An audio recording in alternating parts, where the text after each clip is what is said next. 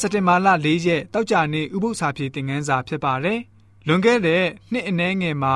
ဥရောပမှာရှိတဲ့မြို့ကြီးတွေမှာရှိတဲ့အသင်းတော်တစ်ပါးဟာဆိုရင် အမှုတော်အတွက်တစုံတရာပြုလုပ်ဖို့ဆုံးဖြတ်ခဲ့ပါတယ်။အသင်းတော်ဟာစောက်ယုတ်နေပါတယ်။နှစ်နဲ့ချီပြီးတော့ယင်းနေချင်းခံလာတဲ့သူမရှိပါဘူး။အဲ့လိုအခြေအနေမျိုးနဲ့သာဆက်လက်သွားမယ်ဆိုရင်တော့အသင်းတော်ဟာရှစ်တက်လန်းဖို့တိတ်ရှိတော်မှာမဟုတ်ပါဘူး။အသင်းအုပ်ဆရာနဲ့အသင်းတော်ဘုတ်အဖွဲ့သားတွေ စိတ်ပါလက်ပါဆူတောင်းကြပြီးတော့ဘယ်လိုမျိုးဆက်လက်လှုပ်ဆောင်ရမှာကိုတေချာစွာဆုံးဖြတ်ကြပါတယ်။ဒီလိုနဲ့ဓမ္မတိကျမ်းကိုလေ့လာကြပါတယ်။အဖွဲ့ငယ်ကိုဖွဲ့စည်းဖို့သဘောတူကြပါတယ်။တာမန်အသင်းသားတွေကိုဦးကနေအဲ့ဒီအစီအစဉ်ကိုစတင်မြင်တွေ့တာဖြစ်ပါတယ်။စိတ်အားကြီးစွာဆူတောင်းပြီးတော့အဖွဲ့ငယ်ကိုဘယ်လိုမျိုးစတင်ရမလဲဆိုတဲ့အကြောင်းအရာကိုလေ့လာကြပါတယ်။မကြမီမှာပဲသူတို့ရဲ့နေအိမ်ကိုအင်ဝင်ကလေးဖြန့်ချီတဲ့နေရာအဖြစ်သတ်မှတ်ဖို့သဘောတူကြပါတယ်။အ ဖွဲ့သားတွေဟာမိမိတို့မှာရှိတဲ့စွမ်းရည်တွေကိုရှာဖွေစစ်ဆေးကြပါတယ်။ဆူတောင်းခြင်းနဲ့အဝတ်ပြုခြင်းအစီအစဉ်ကိုစတင်ပြုလုပ်ကြပါတယ်။ပတ်ဝန်းကျင်မှာရှိတဲ့မိတ်ဆွေတွေပို့ပြီးတော့များလာအောင်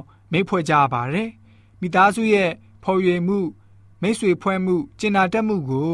မိတ်ဆွေတွေနဲ့အတင်းသားဟောင်းတွေကိုပါပြသကြပါတယ်။အဖွဲ့ငယ်ခေါင်းဆောင်ဟာတမကျန်းစာတင်နန်းကိုစတင်ပြီးတော့ကျင်းပပါတယ်။အိမ်ကိုအိမ်မှာတက်ရောက်တဲ့သူပေါင်းအယောက်40ရှိပါတယ်။ တန်ရှင်သောဝိညာဉ်တော်ရဲ့လှုပ်ဆော်ခြင်းကိုအံ့ဩဖွယ်မြင်တွေ့ခဲ့ကြရပါတယ်။အဲ့ဒီလူပေါင်းအယောက်40ထဲကမှလူပေါင်း18ဦးယင်းနှချင်းခံခဲ့ပါတယ်။တေလူမျိုးပါဖြစ်နေတဲ့အသင်းတော်ရဲ့အဖွဲ့ငယ်လှူရှားမှုကနေထူးခြားချက်တွေရရှိလာပါတယ်။သူတို့ဟာအသင်းတော်ရဲ့တာသနာလုပ်ငန်းအတွက်ဖျားရှင်စေခိုင်းတဲ့အတိုင်းပါဝင်ကြတဲ့သူတွေဖြစ်တယ်ဆိုပြီးတော့တောက်ကြနေဥပု္ပ္ပစာဖြစ်သင်ခန်းစာကဖော်ပြပေးထားပါတယ်။ ဥပု္ပ္ပစာဖြစ်သင်ခန်းစာ30ကတော့ဒီလောက်ပဲဖြစ်ပါတယ်။ဥပု္ပ္ပစာဖြစ်အစီအစဉ်တင်ဆက်သူကျွန်တော်ဆက်ဆောက်ပါ။ကျမ်းနာတော်သူရောက်စီတိုင်းဝิญဉ်ခွန်အားနဲ့ပြေဝကြပါစေ။ကျေးဇူးတင်ပါတယ်။